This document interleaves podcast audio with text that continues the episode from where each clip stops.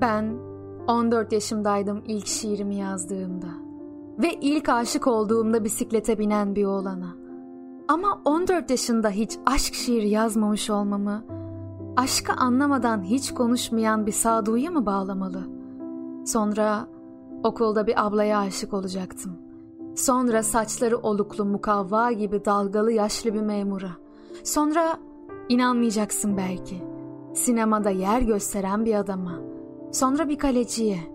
Hey tanrım. Sonra bir deniz subayının ellerine.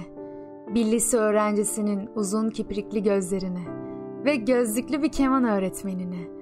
Artık aşkı bir miras yedi gibi harcayacaktım. Hiç inanmadan duygu kaynağının bir gün kuruyacağına. Ve kim bilir kaç yaşında olacaktım. Aşkın ancak bedensel bir bütünleşme söz konusu olduğunda, onu güzelleştiren bir çaba olduğunu şöyle bir düşünmeye başladığımda, girişilmesi güç ve zorlu bir çaba olduğunu da. Sen bir ozan kızısın. Çok büyük tarihli aşklardan ve sabun köpüğü gibi çocukluk günlerinden yaratılmadın.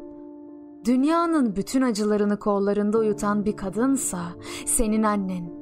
Artık hiç kimselere aşık olamaz.'' Olsa da can eriği yemiş gibi olur ancak. Ben 18 yaşında da hiç olmadım. Kayak yaptığımı anımsamıyorum. Yüzme havuzuna girdiğimi ve berbere gittiğimi de. Dünyanın doğusuna doğru ilerledikçe çoğalır hiçbir yaşa gelmeden ölenler ve neden öldüğünü bilmeden ölenler. 60 yaşında da olamaz kimse. 45 yaşında da tamı tamına. Ben artık neyi yazıyorsam onu yazdığım yaşta olacağım. Karar verdim. Yalnız oralarda yaşayacağım. Sen bir ozan kızısın.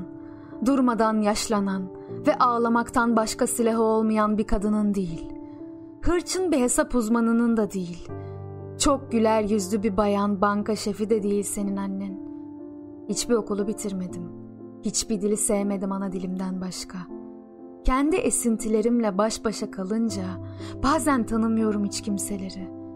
Bilirim üzümü, şarabı, sirkeyi, birbirinden elde edilen acı ve tatlı her şeyi. Dedemin biri 500 yıldan beri İstanbul'da yaşarmış. Söylentilere bakılırsa ben gidip onu da görmedim. Tanımak da istemiyorum aslında sülalemi. Hiç kitap da okumadım. Var mı ötesi?''